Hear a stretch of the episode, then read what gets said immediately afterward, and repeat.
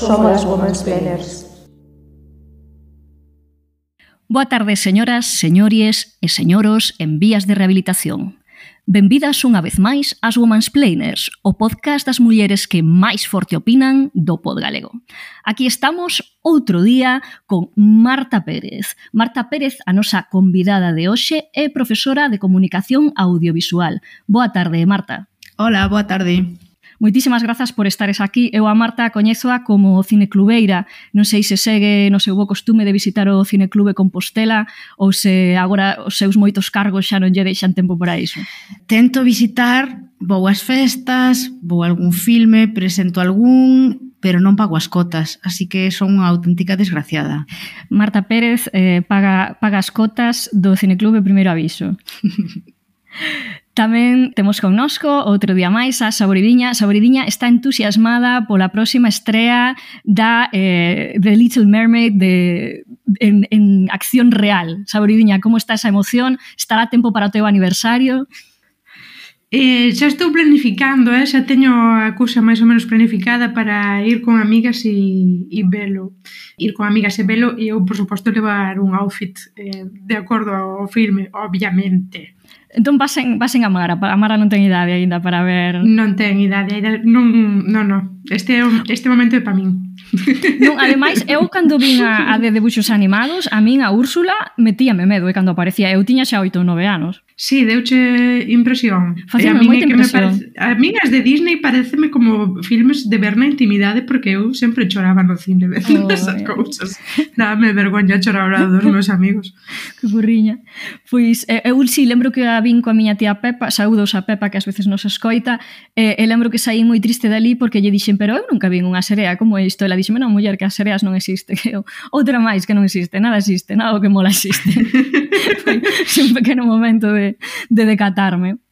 Tamén está connosco Sara, eh, que, que chegou de, de Francia esta semana. Eh, como foi o tema? Un pouco accidentado? Bonjour. pois sí, bastante accidentada. A viaxe de ida, a viaxe de volta fatal co lumbajo, se non é unha cousa e outra, non sei. Ahora odio Francia con motivos Antes era por deporte, na máis. deporte nacional. Exactamente. E por último, pero non menos importante, está aquí connosco o Janito. Boa tarde, Janito. Alguna novidade? Pois nada así moi relevante. Bueno, sí, descubrimos outro día que os veciños de oficina teñen un, unha oficina mellor que a nosa. Teñen unha terraza, super terraza, con mesas e todo. Romperonme o corazón, totalmente. e bueno, xa escoitastes a malvada profe, que, sen agardar polas eleccións, perdeu o seu cargo de presidenta. Como foi? De presidenta do tribunal, exactamente, cunha magnífica dispensa por parte da inspección educativa que, mm, sen querelo eu, realmente, porque nin o solicitara, me regalaron un mes extra de vacacións, que, como todo o mundo sabe, é a verdadeira vocación de todo profesor de secundaria é non traballar no verán. Tan entón non me podo queixar. Pois, como xa oístes, eh, está conosco... Ai, a... dicir parabéns. Parabéns, parabéns a para min, parabéns para min, sí, sí, francamente. E ademais, non só iso, grazas a isto vou poder celebrar o meu 40 aniversario, Woman's Planers, que espero que celebremos xuntas, xa, xa vos irei dicindo. Ben, como xa oístes, está connosco a Marta Pérez, e a Marta Pérez é profesora de comunicación audio audiovisual, e unha das materias que imparte este ano, penso que nun, nun mestrado, ten que ver ademais coa cultura audiovisual contemporánea. E por iso hoxe imos falar da tele, da caixa boba, do televexo, como lle queirades chamar, a de verdade. Eu pensei que Eso... imos falar de podcast.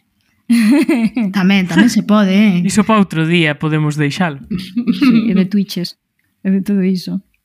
Pois, eh, por iso, entón, claro, eh, a primeira a primeira palabra, a primeira pregunta que temos que que facer é precisamente alrededor desta palabra, non de que que é a televisión, porque xa non é o que era, a, a televisión que nos coñecimos, ese televexo que cando eu era nena na miña casa aínda era en branco e negro e non tiña mando a distancia, tiña que erguerme para, para subir o volume ou para cambiar de canle. De canle en singular, no de canles, porque cambiaba de primeira a segunda e da segunda a primeira cando era pequeniña, eh, como algún máis que anda por aquí, claro. Entón, esa é a pregunta que vos fago a vos. De que queredes falar? De, de que cambios eh, queredes que falemos? Janito, por, por alusións eh, a, a tele en branco e negro. No, bueno, a ver, se queres falar de cousas así super eu lembro, efectivamente, eu lembro cando a televisión acababa a mediodía, o sea, a televisión empezaba a mediodía para votar o telexornal, paraba, poña a carta xuste e volvía a empezar pola tarde para a televisión dos nenos. E a televisión, a segunda cadea empezaba pola tarde, non había tele, non había televisións polas mañás. A televisión pola mañá empezou con Jesús Hermida, unha cousa que, eh? Lembrome entón, bueno, del. Eu eh, podo contar moitas cousas, ¿no? Eh? E María Teresa Campos. Sí, María Teresa Campos traballaba con Hermida. Sí, sí, sí. Mm. Pero bueno, que podo contar cousas así como moi viejunas, eh? moi, moi viejunas todas. Sara. A ver, eu non lembro un cambio tan viejuno como de Janito, pero o cambio así máis grande que lembro con respecto á tele foi cando puxeron todo o tema do TDT, que de repente pasábamos de ter, o seu que sei, seis, sete cans tampouco había moitísimas, a non ser que tiveses contratado algún servicio extra. Eh, nós na casa tiñamos a tele básica. Seis, sete canles, que algunha non se vía moi ben, que se vía todo ca néboa esta clásica, borroso, tal, de repente, o TDT, pum, unha chea de canles novas, parecía que iba a ser isto un caos, ninguén se entraba moito de como iba a ser o tema do TDT.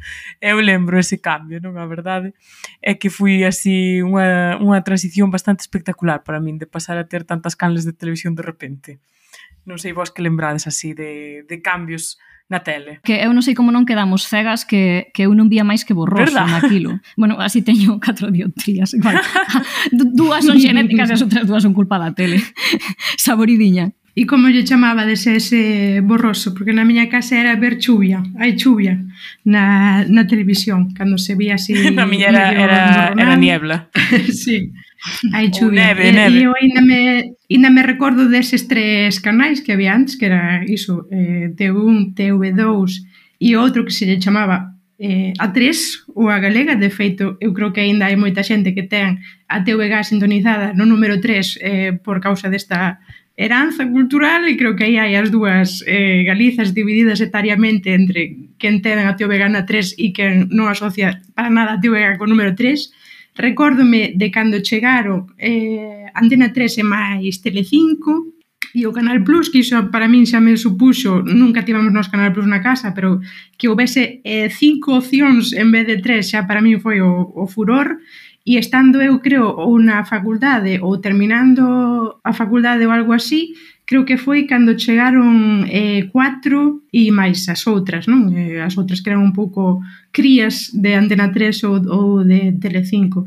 Eu creo que a tele tamén era algo que mm, un pouco ordenaba a propia decoración das casas, non? Sobre todo da sala de estar, que era todo centrado ao redor da televisión, E para min sí que era algo moi curioso porque todos os contidos que eu vía na televisión eran sempre peneirados con meus pais, porque eu vía as cousas que meus pais eh, vían, entón existía como un certo control parental, se lle queredes chamar así, e hoxe hai moitísima máis liberdade para o bo e para o malo, para ver certos contiúdos ou para que adolescentes teñan acceso a certos contiúdos. Non? Nos como no, só tiñamos eh, unha televisión, eh, militantemente só tiñamos unha televisión, porque sí que me recordo tamén de que un dos premios que había nas tómbolas cando eu era eh, nena ou adolescente eran como televisores pequeniños para que tiveses no teu cuarto e eh, meus pais a min sempre me proibiron iso e eu tiña moitísima envexa de amigos que tiñan a súa propia televisión nos seus cuartos non? despois a conversa era que mm, se había cinco membros nunha familia, cada un tiña unha televisión nun cuarto distinto e tal vez os cinco estivesen a ver o mesmo programa, pero non o estaban a ver xuntos. Entón, iso sí que facía un pouco mm, pois un abismo, non? Entre min e outros compañeiros de, de turma, por exemplo, o número de, de dispositivos que as persoas tiñan e o número de dispositivos que teño que tiña eu na casa. De feito, por exemplo, agora eh, na miña estadía no México, o que fun vendo é que xa existen moitas televisións ou as que eu vin alá que non tiñan televisión terrestre, eran xa só eh, monitores que eran para ver eh, Netflix ou, ou Prime, eh, pero non tiñan non había maneira de ver ali eh, por exemplo, que sei, eh, Televisa, eran xa só para para este tipo de, de contidos que eran de pagamento. E na miña vivencia, por exemplo, en Portugal tamén o que eu tiña observado é que había como poucas televisións que fosen públicas e que estaba super normalizado que todo o mundo tivese eh, televisión de pagamento, que aquí xa é un pouco ou era algo máis máis extraño. E moitas máis antenas, moitas máis antenas, eh, como se di, parabólicas, parabólicas chamas, non? Sí. sí. Porque sí, eu lembro sí, que sí, eu, sí. cando me mudei ao Porto, eu estaba sorprendidísima de que houvese por tantos portugueses que visen o luar.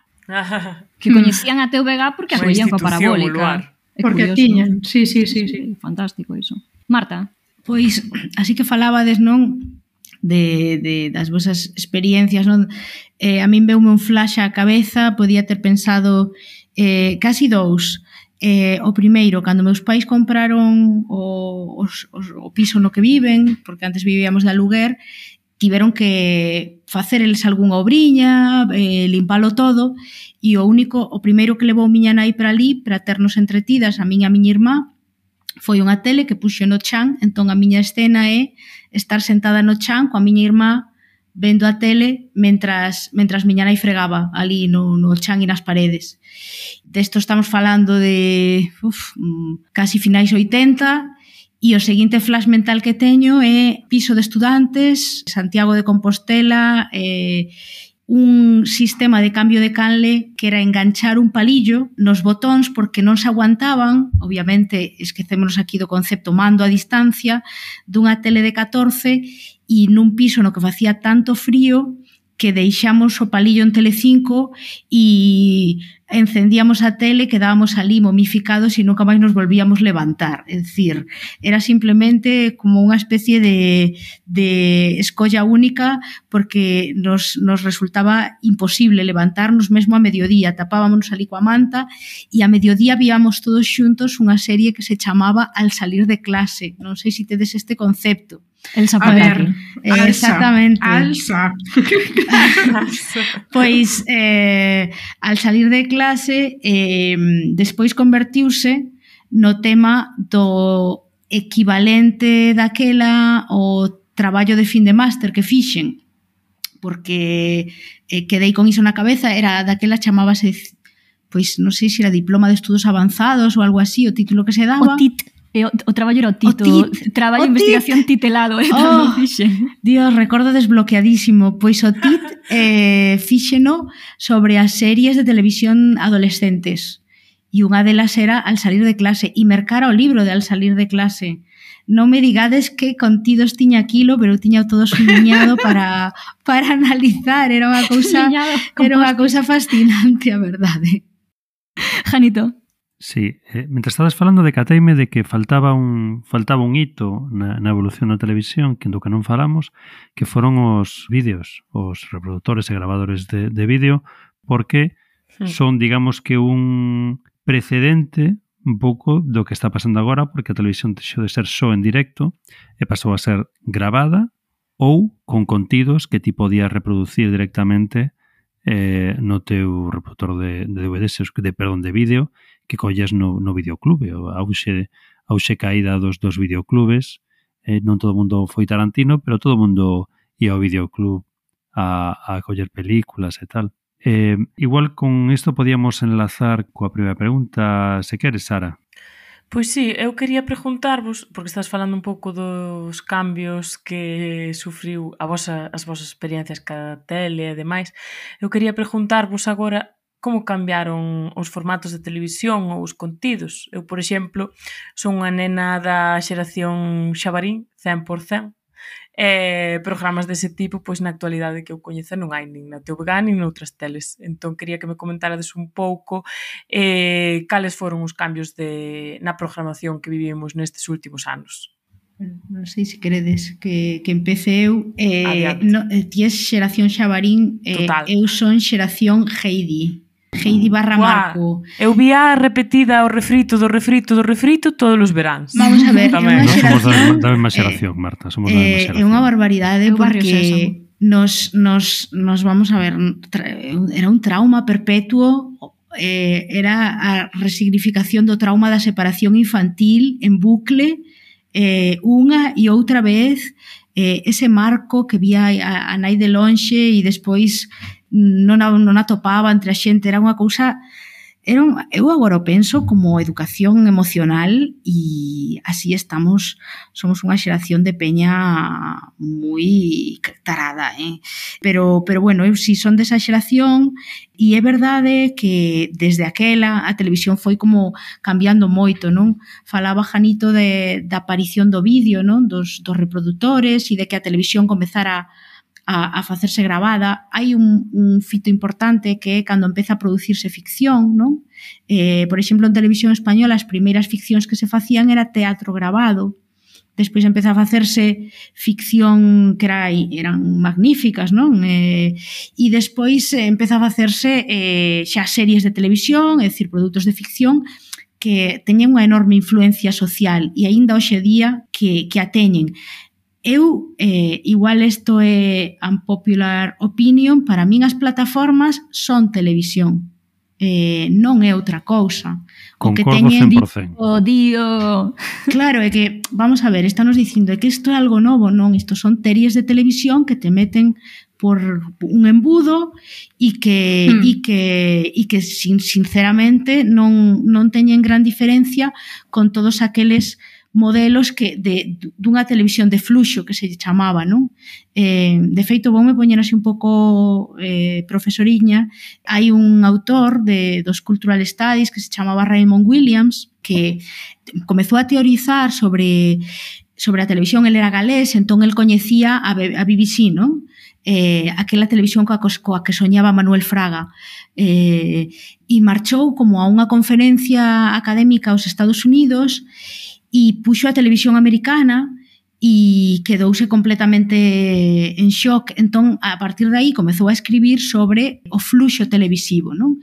E a idea de fluxo sigue estando presente cando falamos de plataformas. É unha algo que non para. Vas escollendo ti Pero ao final, as plataformas o que intentan procurar non con este tema do binge watching é que ti non pares de ver, non? É dicir, meterte eh, unha enchenta, non? Que, que sería a traducción ao galego. Unha enchenta de, de, conti, de contidos, normalmente series, ten o mesmo esquema da televisión de fluxo eh, de, da grella, non? E nese sentido creo que que houve cambios e tamén houve cambios no, no tipo de programas para que a televisión so sobreviva, a televisión tal e como a coñecemos, non a televisión convencional, penso que vai ter que volver o que decía Janito, o directo, e de feito a televisión que vemos agora, agora só é a xente que vemos pouca televisión, agora só vemos directos, e de algunha maneira esa, esa vai ser a, a súa fórmula. E unha parte tamén de como sobrevive a televisión é a través de programas tipo realities, que tamén teñen un engado dunha serialidade pautada e non esa serialidade de Netflix que che mete 200 episodios todos xuntos e que ti non dosificas. Janito. Eu ampliando, com, eh, completando un pouco o que di Marta, ademais do, do concepto do directo, tamén sería o concepto do evento. Non só eh, pois, eh, espectáculos deportivos ou Eurovisión ou ese tipo de, de grandes espectáculos en directo, senón tamén son eventos e tamén poden ser eventos algunhas series, como por exemplo Fariña foi evento en Galicia. Eu creo que resintonicei, resintonicei a tele para ver Fariña ao vivo. María.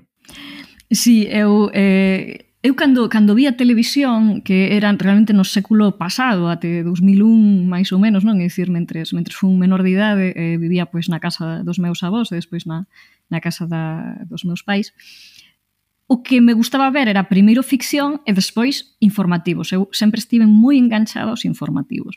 E diría que é a única cousa da televisión tradicional que, que, que non sustituíu ou que non intentaron sustituir mm, completamente, de momento, as plataformas de streaming. Aínda que sí que eu vexo bastante en streaming documentais, eh, tanto documentais un pouco máis serios sobre mm, temas pois, históricos ou eh, de, de historia recente, tamén eh, eh, documentais de outro tipo un pouco máis true crime, non? Estes de crimes verdadeiros, eh, docudramas, etc.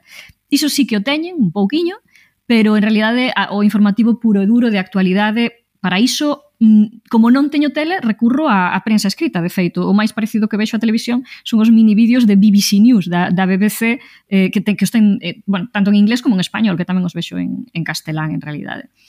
Eh, eu dicía que deixei de ver tele con 18 anos non por... Eh, porque tomas unha decisión consciente, senón porque marchei a Santiago e xa non tiña eh, aparello de tele na casa. O mellor dito, había un, pero era da, das miñas compañeiras que sobían Telecinco, que era algo que a verdade que na miña casa nunca se se consumira, non? E por que consumían iso elas? Entón houve aí ademais unha pequena fenda de comunicación entre nós.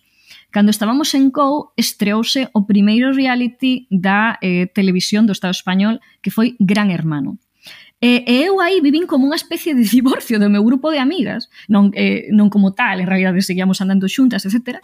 Pero que moitas veces estaba con elas e non podía falar de nada con elas durante horas, porque estaban a falar de xente que eu non coñecía dese programa que eu non vía. Non? Entón, para min, o grande eh, choque cultural, digamos, como persoa do século pasado respecto da cultura deste século, en parte respecto á miña propia xeración, foi eh, a aparición dos realities.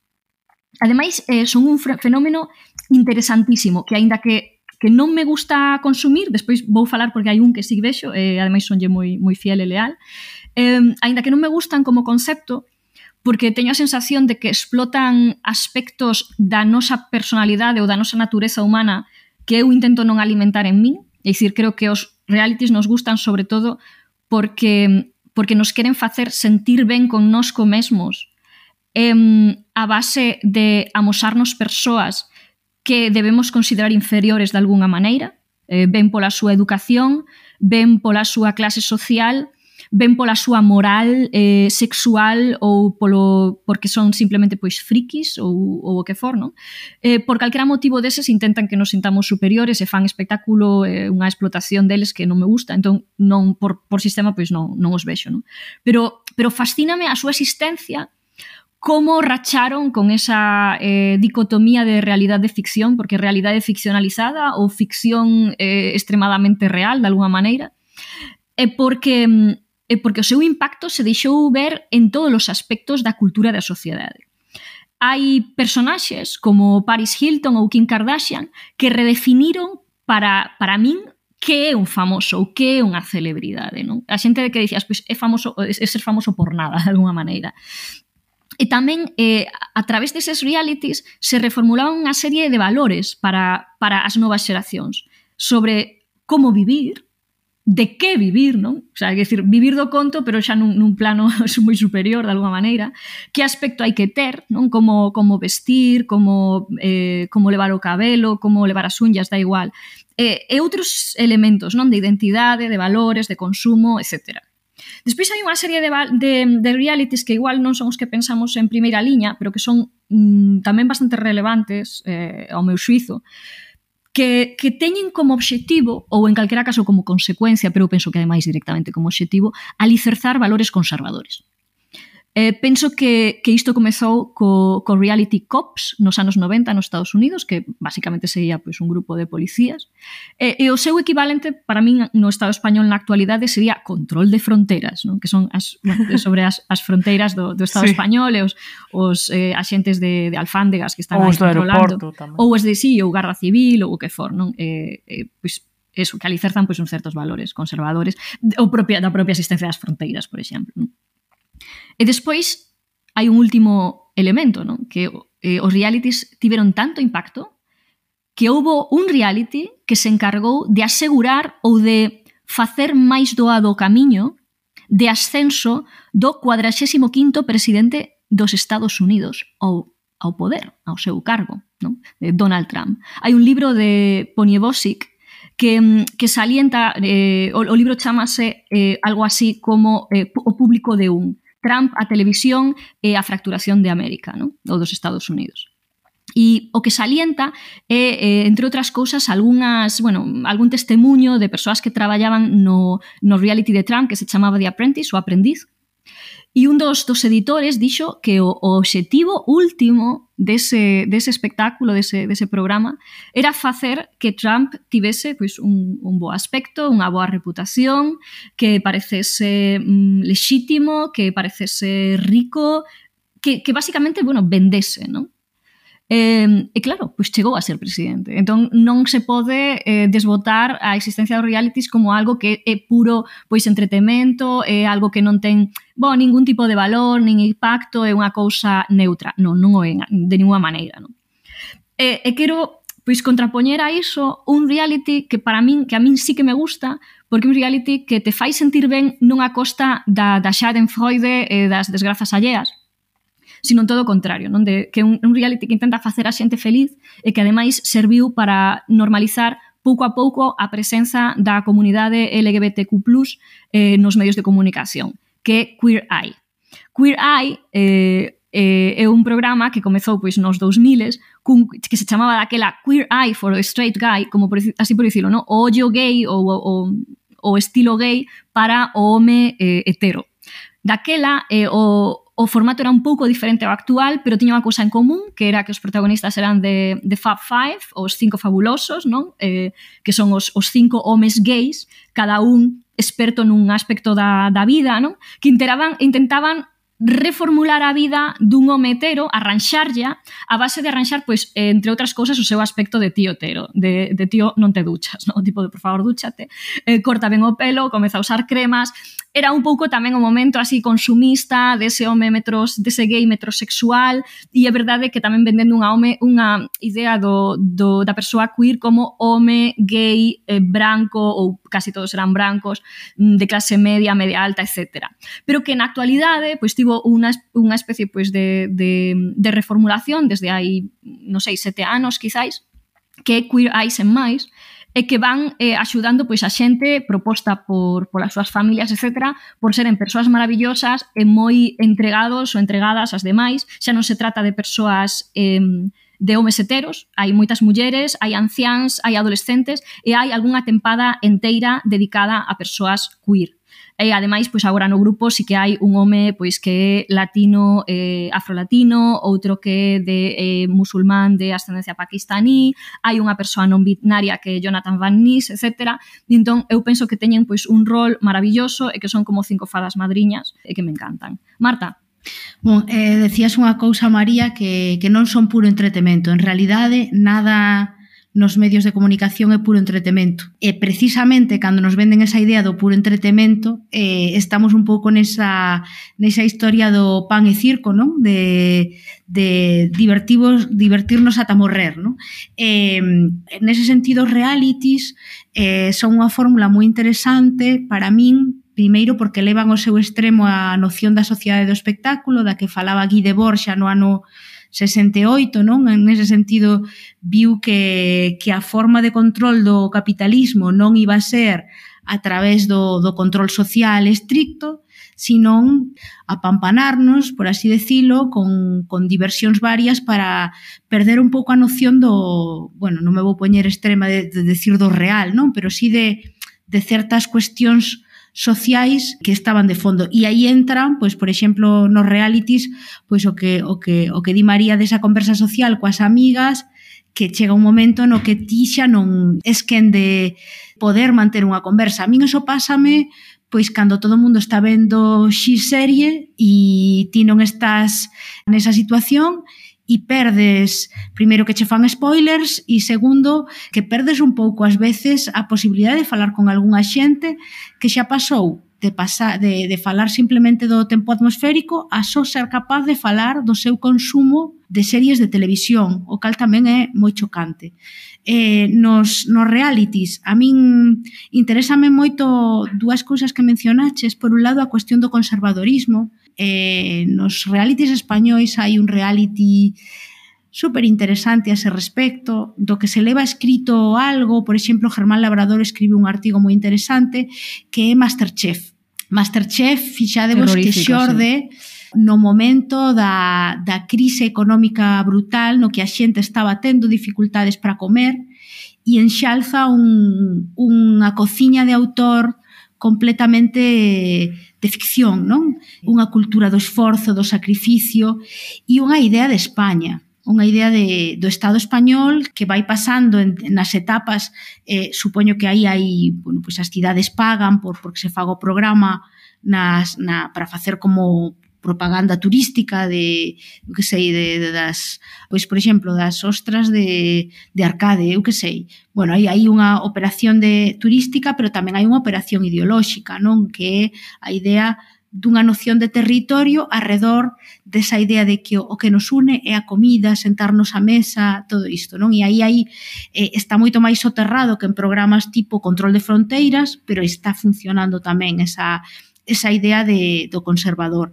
E a mí os que máis me gustaron sempre os reality, foron os, realities que houve unha temporada en cuatro que eran os, os realities que eu lle chamo hiperconscientes, que revelan, eh, son, eh, revelan os seus propios mecanismos, o seu propio proceso de construción, e o que buscan é a complicidade dun espectador ou dunha espectadora que xa sabe de que vai o conto, que xa, xa sabe que é unha ficción, que xa sabe que o casting eh, busca personaxes e non persoas, etc, etc, que é a saga aquela de Quién quiere casarse con mi hijo, Un príncipe para Corina... Granjero, granjero busca esposa. Exacto. Estaban eh. como moitísimo humor. Era divertidísimo, tiñan tomas falsas, utilizaban moito eses sonidos o foley, non? Por exemplo, isto que agora xa está moi extendido na fala común de dicir cri-cri, non? Cando ninguén fala, isto mm. é eh, quen quera casarse con mi hijo. Tiña cousas problemáticas, sí, pois un retrato das nais con un pouquiño machista esperpéntico, pero é que ali non se salvaba nin o apuntador, nin a presentadora, que mostraban como era moi baixiña e tiña que subila a un pedestal, e era un tipo de televisión que que é moi posmoderna, non? E agora xa poderíamos dicir que hipermoderna, que é eh, hiperconsciente e completamente intertextual, está bebendo de si sí mesma, non? Da, eh, pero sobre todo a cuestión da hiperconsciencia e non trata a súa audiencia como a, como a parvos. Fai de alguma maneira consciente de que, de que ti estás vendo unha ficción, non? E riste deso. Herdeira desto é la isla de las tentaciones, en certo, en certo sentido, sí. non? Eu non quero falar desto non porque non queira, sino porque non fun apenas espectadora. Teño como os memes, pero non, non tiven paciencia e xa non tiña tele na casa e, e non, non tiven paciencia para conectarme e, e asistir, non? Pero, pero sí que é verdade que herdou un pouquiño disto, pero de forma problemática para o meu gusto, non? Pero sí que cando, cando un reality dá a ver os seus mecanismos e de alguna maneira se ri de si sí mesmo, para min é super interesante. Sabor e viña. A ver, quedaron aquí cousas moi atrás porque comezastes falando de Masterchef e aí quería eu dicir que é impresionante, non? Cando, cando tives Masterchef España, que aparte está o formato, penso que xa esgotadísimo porque teñe Masterchef, Masterchef eh, famosos, Masterchef a vos, Masterchef Junior, que alegadamente para nenos e aquilo acaba prácticamente ás 3 da mañán un contido que é infantil e non ten nada que ver con unha faixa de horario infantil. E si ves eh, ese programa, non? que foi un formato exportado para, para moitos outros países, dis, wow, o que opera aquí esta ideoloxía en España, porque estás vendo, eu xa vin Masterchef, por exemplo, Australia, ou Masterchef México, e os castings que fan de famosos non son así, porque aquí prácticamente monta unha lista do Partido Popular con un casting de, de Masterchef, eh, cos famosos que, que aparecen, e E, e sí que hai un pouco, te razón, non? Esa ideoloxía de ah, a comida é convivio, a comida é partilla, a comida é ese espazo onde todos nos entendemos, eh, pero non se ve como tan descarado de agora vamos aquí a, non sei, ao torresmo de Chiclana para que o alcalde do PP de Chiclana fale sobre que bonita é Chiclana, porque a min como que me recorda moito aqueles especiais que había de Murcia que bonita eres, non? Que, que era unha cousa así moi, moi tamén eh, con calzador para que a xente vise pois unha realidade turística de un sitio que necesitaba recibir visitantes e, e tal cual. Eu eh, un deses realities que, que acabas de describir con eses formatos onde a xente máis ou menos é mm, consciente, eh, estabas falando diso e lembreime de outro reality que é El Jefe Infiltrado, que a min realmente é algo que me ten eh, desconcertadísima porque eh, seguín varias temporadas e fun vendo un pouco como a evolución del jefe infiltrado. Non sei se chegastes a ver o programa, pero nas primeiras temporadas eh, sí. era unha cousa bastante... Eu vin algún do americano. Era unha cousa... En a mí España, encantábame. En España era unha cousa bastante encarnizada porque nas primeiras temporadas había sempre un despedimento porque sempre había unha imaxe de este traballador é moi neglixente porque, eu que sei, poñamos por caso, ten que facer un corazán, en vez de encher o corazán de crema, mete un pitillo que está fumando.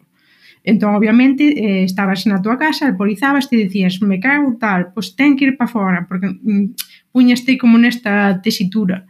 E eu creo que, claro, comezou toda a xente a ver non que aquilo xa era máis contra o traballador que outra cousa e agora nestas segundas temporadas ou temporadas a partir da segunda a cousa xa, a ideoloxía xa mudou completamente. E é que buena es mi empresa que familiar es mi empresa e mi empresa te va a dar un abrazo eh, estás 90 horas eh, a semana traballando na empresa, pero tanto dá, porque eh, en vez de eh, axustar os horarios a unha cousa que máis ou menos sexa normal e compatible coa vida, ti tes unha persoa deficiente ao teu cargo que non pode andar, pero vamos che regalar un fin de semana en Euro Disney. E con eso todos contentos. Non sei se, si, non sei se si chegastes a ver episodios así, pero agora eu penso que é máis unha publicidade da propia empresa que pode ser patatas eh, Ourense, por exemplo, entón mm, é unha empresa sobre distribución de patacas, entón vas vendo como alguén as embolsa, outra persoa as apaña e outra persoa fai a publicidade. Entón o xefe vai por aí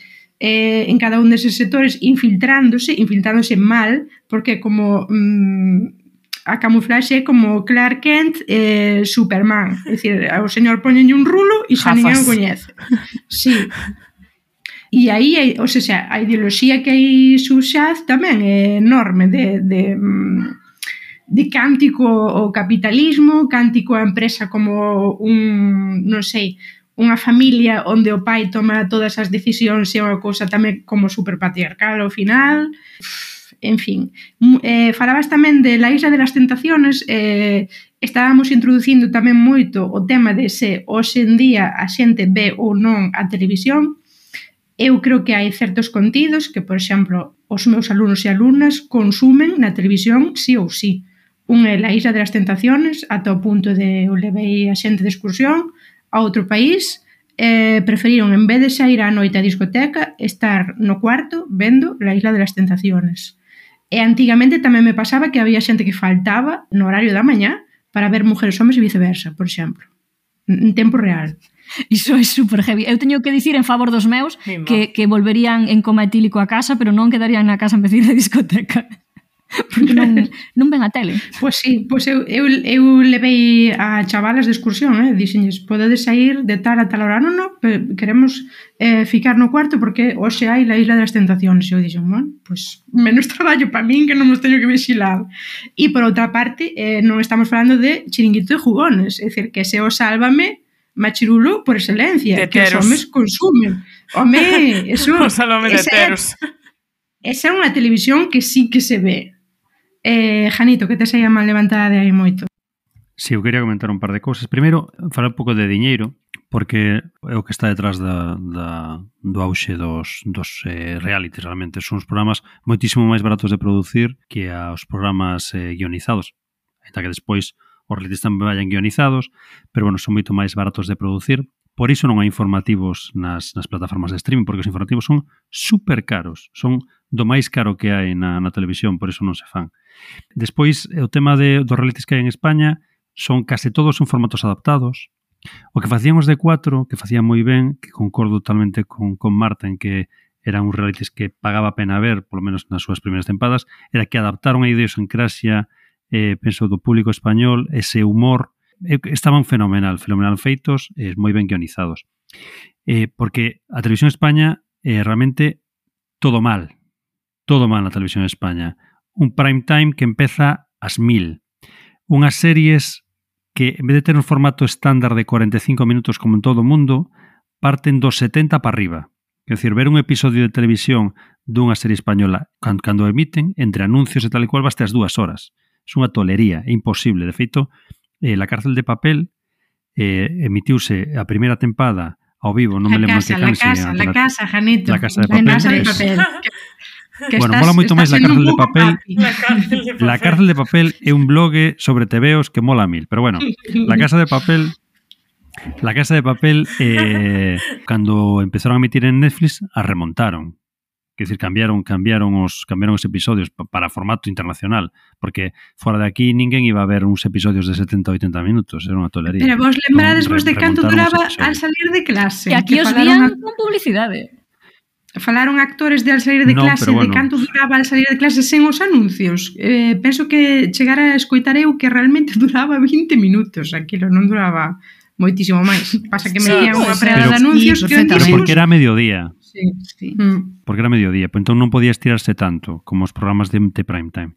Como Despois, o tema de ideoloxía, eh, que efectivamente concordo moitísimo con o tema de que a ideoloxía está na ficción eh, eh, igual ou máis que nos que nos realities e falaba, falaba María do, do auxe de, de Donald Trump que Reagan vendo o espectáculo A imaxe de Reagan como gran capitán dos exércitos americanos vendo o señor que facía pelis de vaqueiros.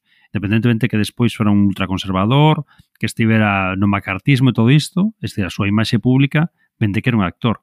Pero hai máis exemplos de, de populistas que veñen da televisión como Beppo Grillo, ou de Cinque Stelle, Cinque Stelle e o movimento este italiano, tamén vendo mesmo, e previo a Donald Trump, e sen ir tan lonxe, Jacome vende a televisión.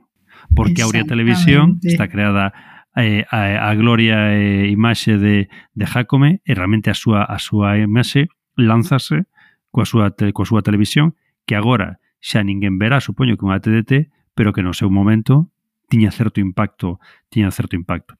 Falabas de jugones eh, igual que Sálvame e o programa de berrar pola tarde, jugónese un programa de berrar para os señores pola noite, pero é outro programa de berrar tamén que é La Sexta Noche. Quer dizer, en Francia, Ostras. en Francia teñen un, un modelo de televisión totalmente distinto que hai aquí en España.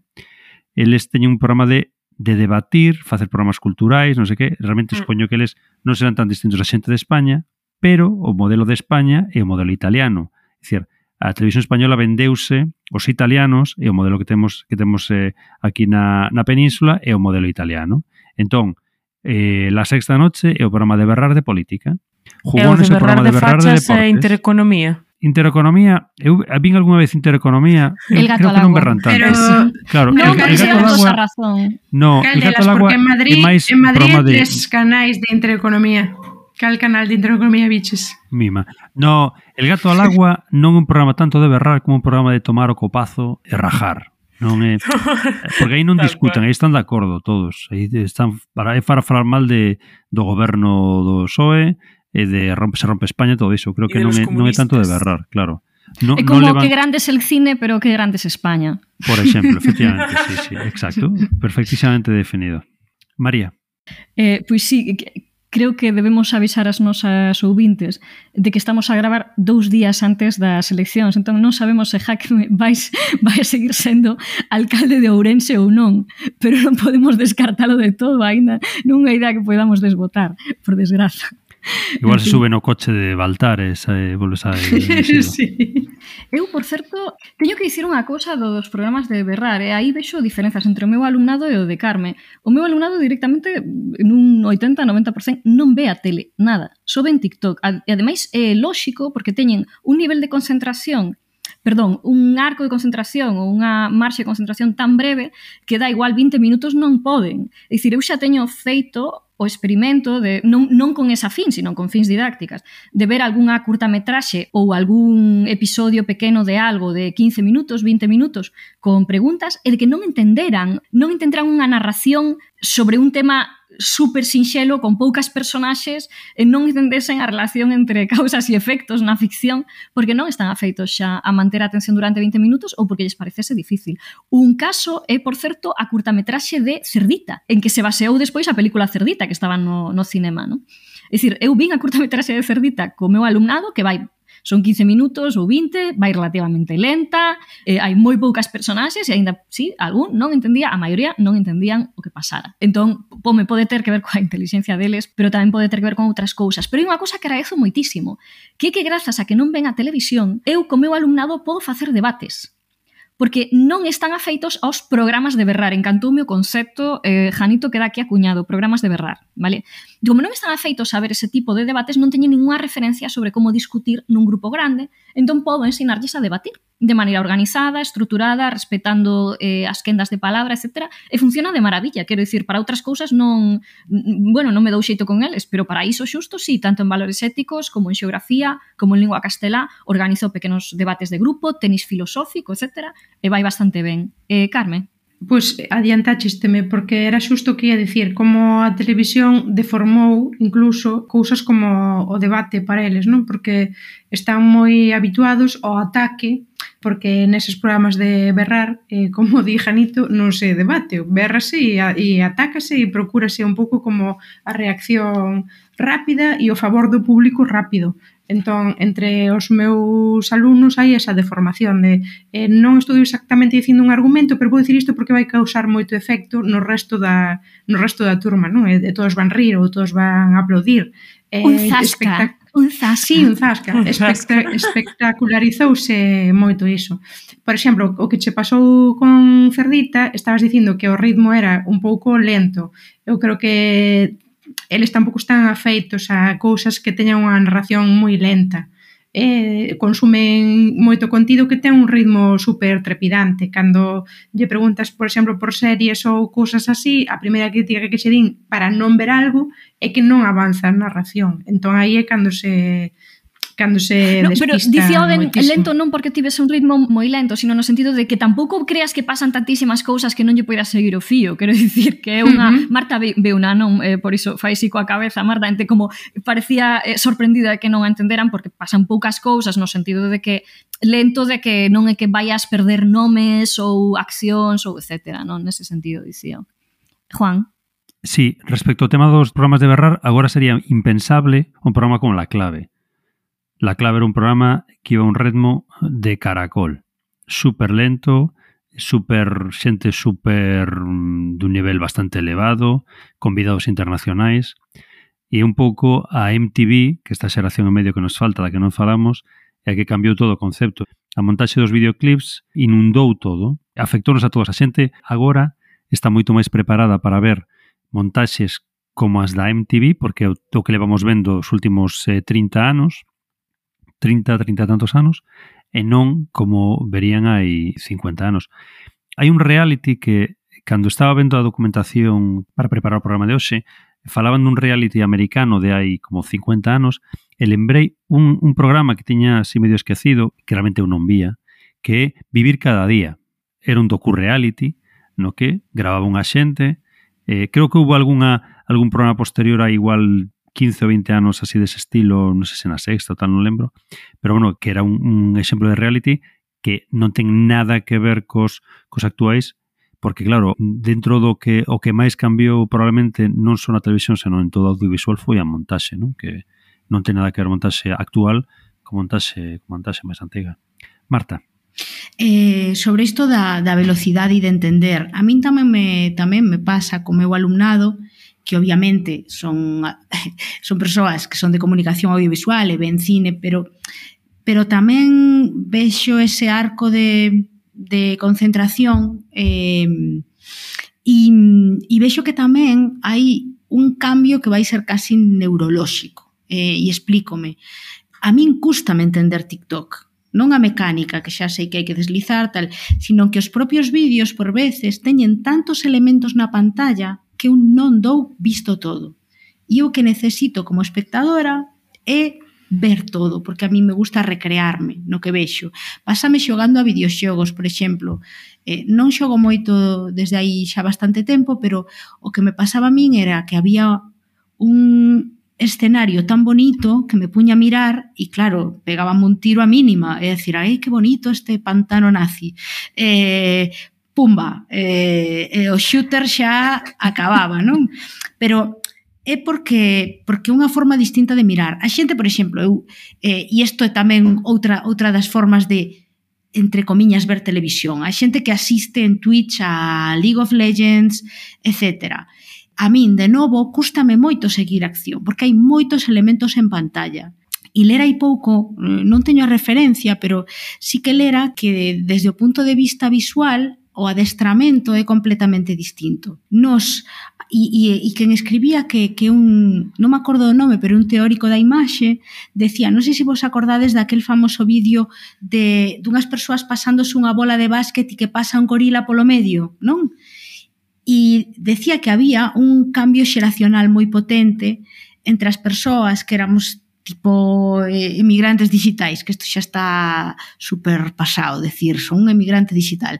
E as persoas que se criaran, pois, por exemplo, cos videoxogos, coas imaxes en, en redes sociais, etc., que vían enseguida o gorila, e eu xuro que o gorila non o vin, porque eu estaba prestando atención, igual porque son eu moi mandadiña, non? pero que eu que prestaba atención era o pase da pelota coas mans. E, en cambio, e a xente máis nova conseguía ver enseguida en plan, un gorila, porque a forma que ti tes de xogar a videoxogos, por exemplo, é prestar atención prácticamente a todos os cantos da pantalla, porque pode aparecer calquera cousa por calquera lugar. E entón, nese sentido, para min TikTok é difícil e para eles prestar atención e esperar a que pase algo é o que lles dificulta a, a comprensión, non? Non se trata aquí dunha fenda xeracional, nin que, pero sí que hai unha transformación da, da mirada. Grazas, Marta. Sara? Pois eu, despois de todas estas reflexións, quería introducir outra pregunta, que despois de todo o que falamos, quen ve a televisión a estas alturas, porque claro, a min dá má sensación de que é un elemento que está cada vez máis relejado, pois se cadra a persoas maiores que están acostumadas a ver a televisión dende sempre, non? ou a maior parte da súa vida adulta, E ademais a todo isto súmase que cada vez as persoas máis mozas pois utilizan outras plataformas como TikTok ou plataformas de stream e demais. Eu mesma, por exemplo, Desde que vim para Compostela a estudar, deixei a casa de meus pais, nunca máis volvín a ter televisión. Só vexo algo a tele cando estou na casa de meus pais. Aquí xa nada. Entón, para quen estará reservado este invento a día de hoxe? Contanos, malvada profe. Pois eu Tampouco teño tele, a verdade, na miña casa. E, de feito, hai un elemento curioso. Antes falabades de como eh, o propio mobiliario, creo que o, o comentou Saboridiña, non das casas, a decoración, se, se concibía alrededor da televisión. E, claro, sí. eu ao chegar aquí, a este piso que comprei, e tiña algúns, no, algúns móveis novos de Ikea dentro do, da sala e do comedor, o primeiro que fixen foi rearranxar como estaba colocado todo o mobiliario, porque estaba concebido para, para estar centrado nunha televisión que non existía, e incluso nun móvel de televisión que eu vendín, mm. encanto un, un lac destes barateiros e tal, pero claro, vendino rapidamente porque moita xente sí que o ten. Entón, ven un dos meus momentos preferidos que é o momento das estatísticas. Quen ve a televisión? Pois en 2022, que foi o último ano que se pechou, descendeu moitísimo o consumo de televisión, concretamente veo a televisión un 11% menos de xente que o ano anterior de media en todo o Estado, chegando a niveis de 1992. O que se miraron foron 200 minutos por persoa e día de media, que a priori pois non semellan uns datos tan pesimistas, visto desde a mí, a mí parece bueno, son máis de dúas horas, eh, entón, perdón, máis de tres horas de feito, non? Eh, pero isto combina, por unha parte, o chamado consumo tradicional, o diferido e o híbrido. O tradicional reduciuse moito e medrou o diferido. Un posible motivo para isto é o atraso que cada vez é maior do chamado prime time. O prime time, como quizáis xa saiban as nosas espectadoras, é o momento da franxa de, de máxima audiencia, non que, que no Estado español e na maioría dos países coincide pola noitiña, é dicir, o, o que a xente concibe como o comezo da noite que depende bastante do país. E cando falo do atraso do prime time non é unha cousa tan pequena, é sutil porque foi acontecendo aos poucos ao longo do tempo, pero desde 1990 o prime time atrasouse máis dunha hora e cuarto, máis dunha hora e 15 minutos. Wow. Neste podcast, querida, xa fixemos un programa sobre o sono e os problemas de sono, non? a comezos da tempada. Eu quero botarlle neste caso a tele moi boa parte da culpa do jet lag permanente con que vivimos as persoas eh, ou con, con que viven as nosas paisanas, que, que non todo é culpa do fuso horario. Moito ten que ver coa, coa televisión e con eses programas alegadamente familiares que duran até, até a madrugada. Non? Despois, o consumo descendeu en todas as franxas de idade por debaixo dos 44 anos. Nalgúns por enriba incluso subiu un pouquiño, pero especialmente nos mozos, é dicir, entre os 16 e os 29 anos. Neste caso ten que ver co ascenso de TikTok e de outras redes sociais, pero sobre todo do TikTok.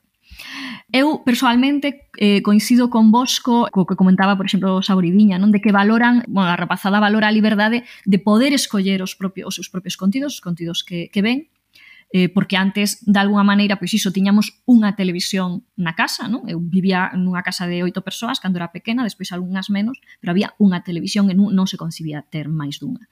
E despois que os podías que os poden consumir sen a compaña ou sen a supervisión da familia eses contidos. É dicir, eu sei que teño alumnos que, sobre todo os de bacharato e así que ven eh, a serie Élite, e dubido moitísimo que quixeran vela en familia con esas escenas eh, de orxías sexuais eh, eh, e eh, eh, tríos dentro deses colexios internados, non? Coa súa nai ao lado, pois, ou coa boa, mm, aínda peor, pois eu penso que non lles ia gustar tanto. E despois outro motivo, pois eh, que dous tercios dos fogares do Estado xa están abonados a plataformas de streaming ou a canles de pago tamén, non? como falábamos eh, antes de comezar das canles de, de as DR, non? por exemplo. Eh, no caso dos mozos, iso na franxa de 16 a 29 anos, o 88% ten acceso a Netflix en concreto e case un 70% a Prime Video. Creo que quería falar agora Sauridiña. Pois que pena, non? Que non vexan élite en familia e non pasasen por esas escenas polas que eu sí pasei en familia e ter a miña boa dicindo ui, que bonitas son esas habas porque había que encher ese silencio incómodo de cando había unha escena sexual. Entón eh, eh, era, era sempre moi esperado que a miña boa falase algo das sábanas ou do dosel ou, ou de algo da cama. Eh, eu confeso que son desas persoas que, que ve a tele. E incluso necesito chegar a casa e por veces despois do traballo necesito como ter un batifundio na casa de pois hai, hai como certo ruido que me, que me acompañe. Entón, vexo a tele, por veces é tamén a tele portuguesa, porque teño a aplicación instalada RTP, entón podo vela en directo, pero teño outras necesidades, eh, como por exemplo, dormir a sexta con unha peli de tarde. Para min iso é, é dicir, nada de Netflix vai eh, sustituir... E de Francia... A, a, non me, nunca me enganchou iso, o sea, porque hai como, eh, cando retransmiten deportes, hai como moita modulación diferente da voz e desperto, pero con peli de tarde non, non me pasa. Entón, eu sí que Cando xa chegan as 9 ou as 10 e a nena está deitada, necesito como algo de non pensar en nada, que pode ser, por exemplo, a tele. O que non me gusta moito é como certo posicionamento de eu non vexo a tele porque a tele é pois a caixa boba, non unha cousa que te aparva, e entón parece que esas persoas que se, se sitúan nun nivel intelectual superior e tal vez esas persoas que non están vendo a tele están co telemóvel na, van, na man consumindo chorradas absolutas que tampouco lles están formando absolutamente nada. É dicir, ben, non ves a tele, pero o que podías estar vendo na tele, estálo vendo agora no telemóvel, pero tampouco son 24 horas de documentario nin, nin de crítica de teatro, por exemplo. Eh, Janito eu concordo con Marta no que as plataformas son tele tamén. Non, non é que a xente vexa menos tele, o que ve menos tele en aberto, tele de antena ou como queramos chamalo, que serían chamarían as networks nos Estados Unidos, que é un fenómeno global, non é só unha cousa española.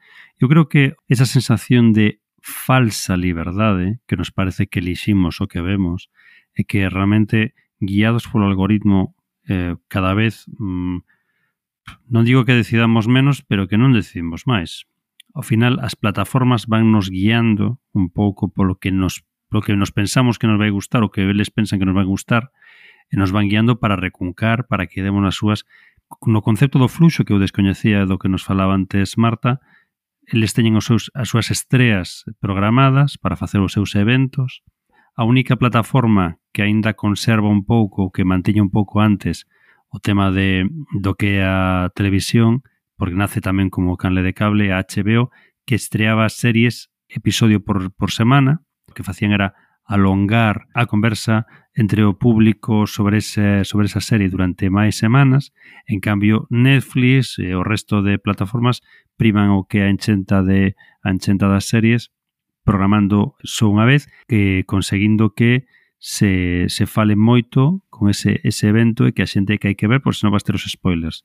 Estes días eh, compartín en Twitter un sigo moito, un, xa falei del cando falamos do tema das series, unha conta que se chama The Grim Reaper, que fala moito de cancelacións de series e todo iso, que o que fai Netflix, eh, Netflix e as plataformas que veñeron despois, eh, que prima que as series non perduren, non lle dá segundas oportunidades. En Netflix non existiría Parks and Recreation. Unha serie que ten unha tempada tan sumamente frouxa non chegaría a segunda. Eu, por exemplo, nunca vin Parks and Recreation porque empecé pola primeira. Dicir, sempre recomendaban, hai que empezar pola segunda, non, empecé pola primeira, e dixo, bueno, pois xa deixaré por outro momento. Nunca que nunca a vin. E, e, e hai moitos máis exemplos de series que van que van cambiando, que, que empezan dunha maneira e siguen doutra. Pasalle, por exemplo, bueno, moitas outras.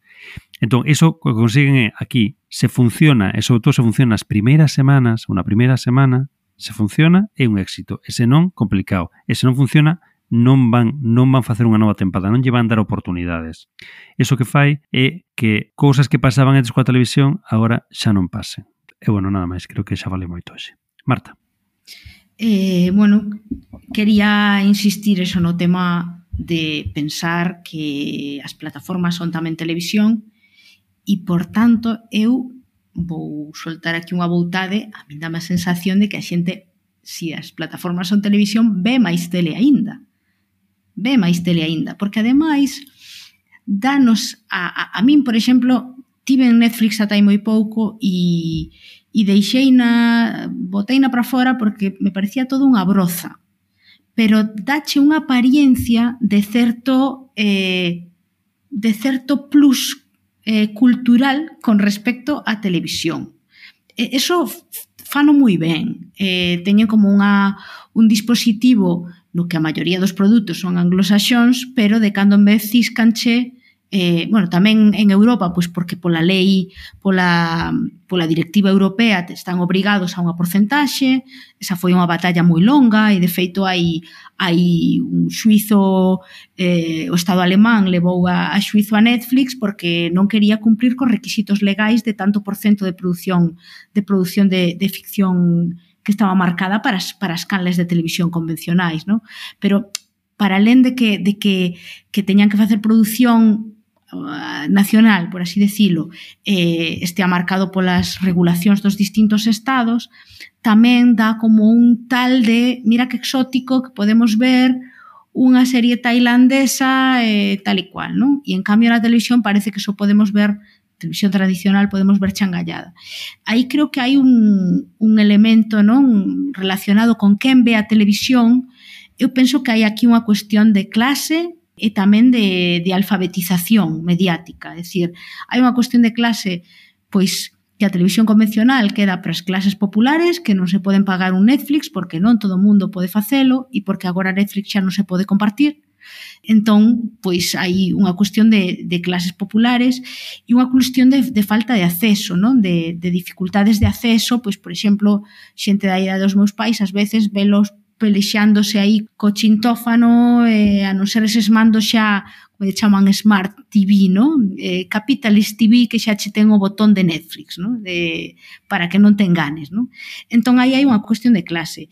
E sobre quen ve a televisión tamén como espectáculo, volvemos ao inicio, cando falábamos dos eventos, quen non viu Eurovisión, hai un par de semanas. Bueno, eh, Girls and, and, and Gays, no? Ok, pero foi un evento global no que ademais fixadevos que xa meten a países como Australia porque saben que hai potenciais espectadores en todo o mundo que van a ver un espectáculo. A televisión como esa idea que tiñamos de, de elemento social aglutinador pérdese, pero ao mesmo tempo se concentra en eventos moi concretos e moi controlados desde o punto de vista da, da produción de contidos.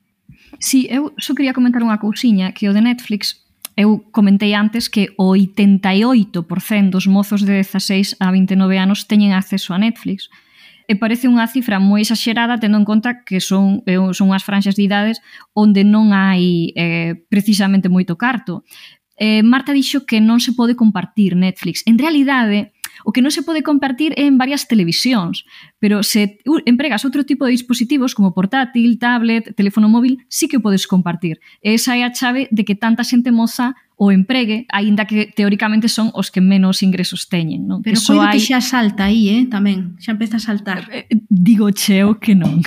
Ah, vale, Pero iban a sacar, eh? vin unha noticia hai pouco de que iban a eliminar o acceso. Eu, eu xa vin moitos e a nos deronos ademais unha, eh, un deadline, unha, unha data concreta en que eu ia quedarse en Netflix, teóricamente, eh, e o certo que como eu non teño televisión, consumo no ordenador, eh, a, a conta é miña, tamén hai que dicilo, pero a miña parella empregou no seu, no seu, tele, no seu televisor, eu no móvil, na tablet, no, no portátil e tal, e, e podo seguir usando.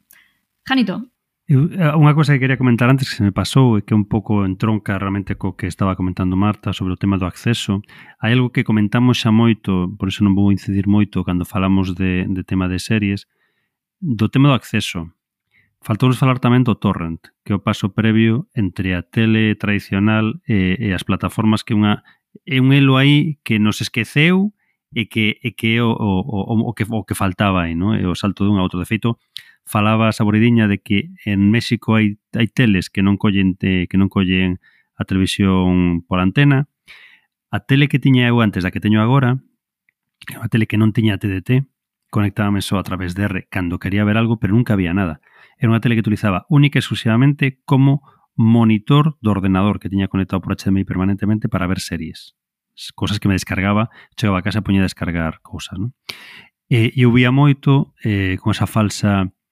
Eh, fala, fala Marta do, desa pretensión de, de certo, non sei, nivel de, de, que, te, que te dá Netflix e o que facía moito era ver tele americana ver cousas, pois ver os, os late nights americanos ou ver realities americanos, é dicir, era o mesmo que aquí, probablemente, era moi parecido. O que pasa que, bueno, tamén aquí as adaptacións non me convencían, pero non deixa de ser o mesmo. É dicir, vin Survive un americano varias tempadas e nunca vin o español. A mí este rollo de prolongar tanto o programa matábame. E os late nights americanos, quitando Buena Fuente, que os adaptou ben, o resto de late nights aquí fracasaron estrepitosamente adaptando o adaptando o formato, non? Entón, a min pues, un vía Conan O'Brien e tal, tempadas, non? Que non tampouco. Entón, realmente, sí que é un tema de acceso, non tanto un acceso de internet, que tamén, ou de coñecemento, senón, bueno, pois, pues, eh, por exemplo, podía haber eses programas porque os podía ver sen subtítulos, que para, para según que programas non os había. Entón, bueno, un pouco por aí. Non sei se era Marta, eh, María, ti querías falar agora de...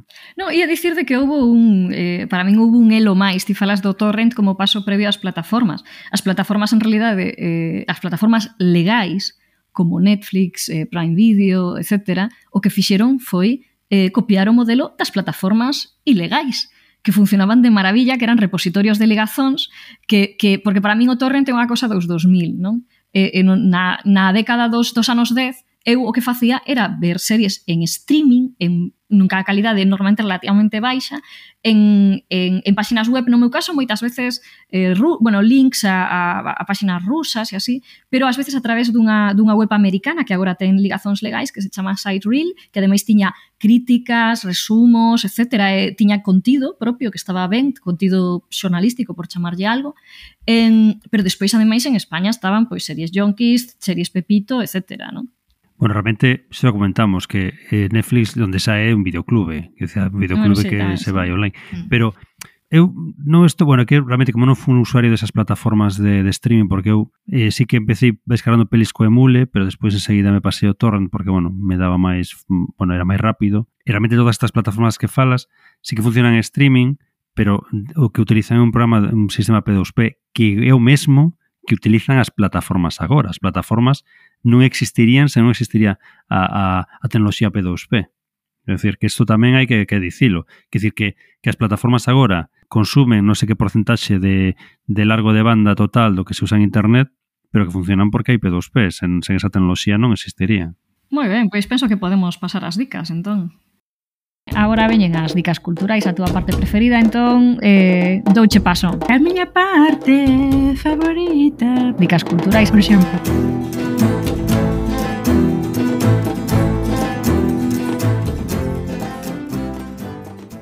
Pois eu quería comenzar con dicas de tres series e media ou catro que falan sobre sobre a televisión A primeira sería unha serie que fala sobre realities, que Unreal, que está a showrunner de, de Unreal, é unha, unha señora que traballou, non sei se guionista ou non sei exactamente que, que cosa facía, traballaba en The Bachelor.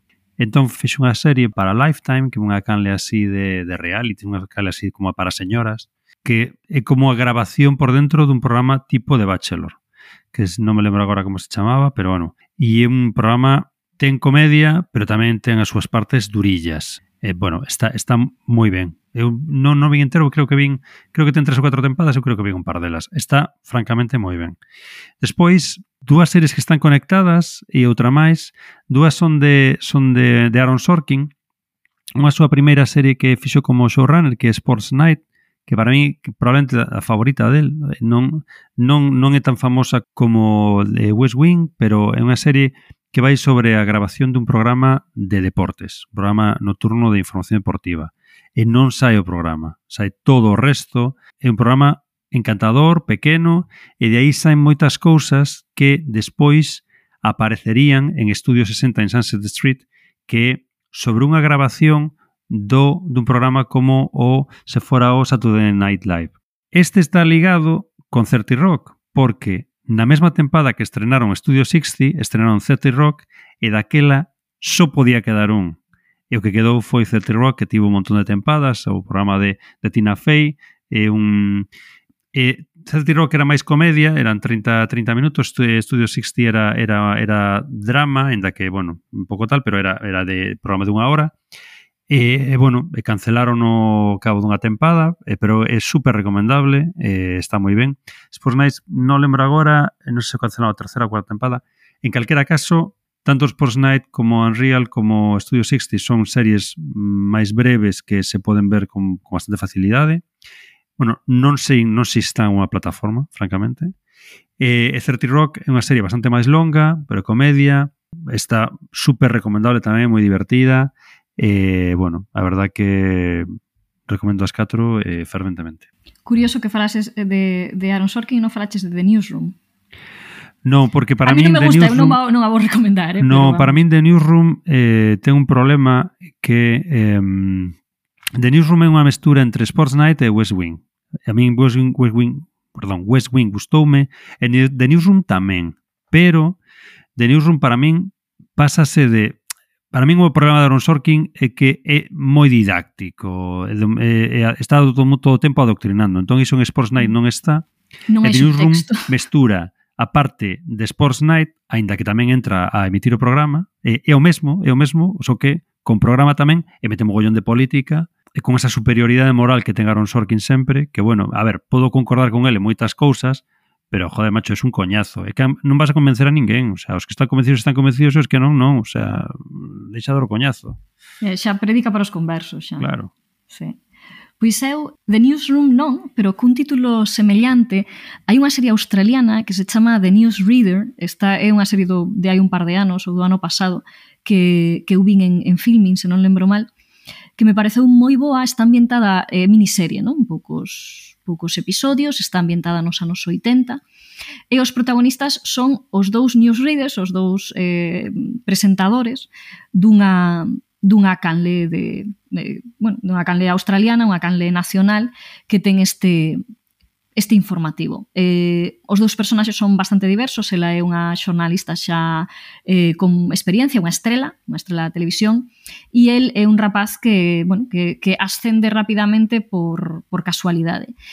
Trata moitos temas dos anos 80, moitos temas que son de actualidade naquel momento. En Australia, por exemplo, aquela famosa desaparición daquela nena e a condena da súa nai que se alevou un, non sei, un, un iba a dicir un coyote, non, pero non lembro como se chamaban. Un dingo. Un dingo, eso, eses, eses cans eh, eh, bravos que teñen por ali, non? Un, un cánido deses.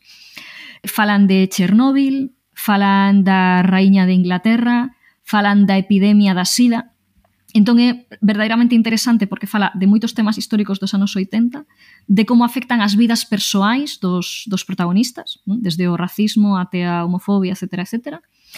E, e tamén de como funciona ou funcionaban os medios de comunicación daquela. Non? Entón é unha, unha serie que recomendo moito.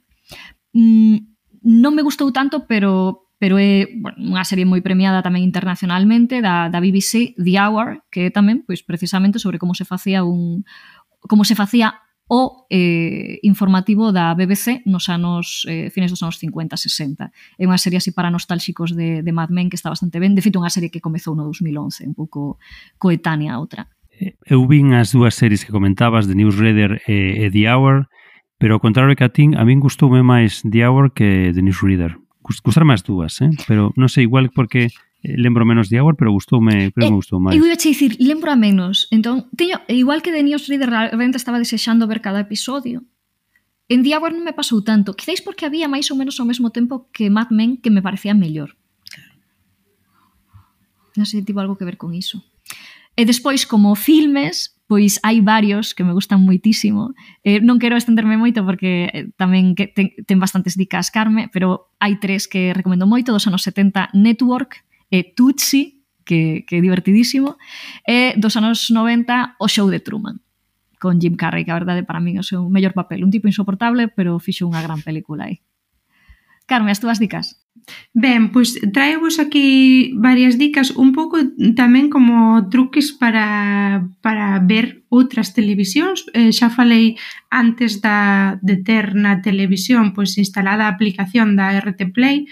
Eh, na RT Play podense ver cousas que acontecen ao vivo na televisión portuguesa, nesa televisión portuguesa, pero a igual que moitas destas apps de teles que son públicas tamén se foron un pouco Netflixizando, a RT Play eh, tamén, entón podedes ter acceso a a moitos outros contidos que non son exactamente ao vivo, pero se facedes algún tipo de truco, o truco que, porque sabedes que non recibimos eh, televisión portuguesa na Galiza, entón podedes ter outra aplicación que se chama Cyberghost, que é eh, legal, e a través de CyberGhost podes ter unha VPN dicir que sodes eh, persoas portuguesas e recibirdes a RT Play como se fosedes un, un portugués ou portuguesa máis e consumir así esta televisión.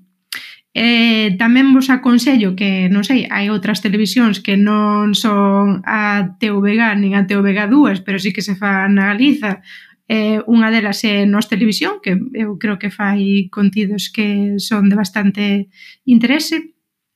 Pois eh, maña, por exemplo, emite un programa sobre eh, sobre sobre que tema, que temazo, sobre o ensino do, do portugués na Galiza. Vos non o sabedes, pero xa máis ou menos a María deu algunha referencia do día en que nos estamos grabando Eh, ben, pois onte eh, o PP veu de chumbar unha proposta asinada por máis de 800 persoas con apoio de varios partidos para que eh, a lingua portuguesa fose seleccionada na, na Escola de Idiomas de, de Berín, que recordemos que Berín ten unha eurocidade con Chaves, a eurocidade tamén apoiou isto, E pronto, entón, mañán eh, fan esta emisión desta, deste programa sobre o ensino de portugués na Galiza. Eh, tamén quería traervos dúas cancións, unha que recorda un pouco o meu periplo por México, que é de Molotov, non podía ser de outra maneira. Eh, a canción chamase El canal de las estrellas, entón fala un pouco tamén disto que comentou a malvada profe, non? sobre a ascensión de varias persoas que saíron de realities ou de programas que non eran exactamente programas de talentos, pero a partir de aí fixéronse como, como celebridades e diso é que trata a letra, e outra é unha canción brasileira dunha banda de rock super famosa ali, que son os Titans, que se chama Televisão, e realmente tamén unha crítica a, a todo o que pode embobar a televisión, pero creo que é con bastante retranca. Eh, estade atentas á letra a ver se, se a interpretades igual que min. Eu creo que no fin ten un pouco bastante de retranca eh, dúas series de non sei se dicir televisión, si, entón si televisión, porque estamos dicindo que as plataformas tamén son televisión. Eh, unha, creo que Janito tamén a chegou a ver, ou algunha vez comentámoslo ti eh, máis eu, non, Janito? O Bim, bin, en Apple TV. Eh, The Apple Morning TV. Show, entón é como meta televisión, non? Porque é televisión dentro da, da televisión, e de como se chega do que hai que facer un pouco polo espectáculo e que o espectáculo debe sobreviver e como unha serie de persoas poden ser expulsas ou non eh, por actitudes que teñan na televisión e a outra eh, é eh, eh, Paquita Salas que penso que trata tamén bastante eh, toda esa todas esas persoas non? que algunha vez eh, participaron na televisión e que tiveron unha fama tal vez efémera, como a propia televisión tamén eh, cría e rompe bonecos, non? E hai bastantes bonecos rotos pola, pola televisión. E, e con iso, máis ou menos, a través da historia de unha representante de artistas, pois fixeron unha serie. E ata aquí. Pois ata aquí as dicas de hoxe. Así que, se vos parece ben, despedímonos ata o próximo episodio. Marta, moitísimas grazas por vir. Quédanos pendente o episodio da TVG. Pois teremos que facelo. hai que facelo que ninguén vai facer por nós. pois moitas grazas por vir e un placer contar contigo, Marta. Paseino moi ben, grazas a vos. Pois moitas grazas tamén, como sempre, a Saboridiña por todas esas dicas e cousas interesantes que nos recomendas. Pois até a próxima semana e espero que teñades un plan de sábado de sofá, manta e filme. Grazas tamén a ti, malvada profe, Moitas grazas, Sara, dica semana que ven. E moitas grazas, Janito. Moitas grazas a vos, e moitas grazas, como sempre, ás nosas ouvintes a través de Quack FM cada martes ás 3 da tarde, que xa mosei, e moitas grazas a vos por vir, e moitísimas grazas a Marta por ilustrarnos e por eh, abrirnos a cabeza con eses novos conceptos que, que traía. Chao, chao. Chao, chao, chao. Chao, chao, chao.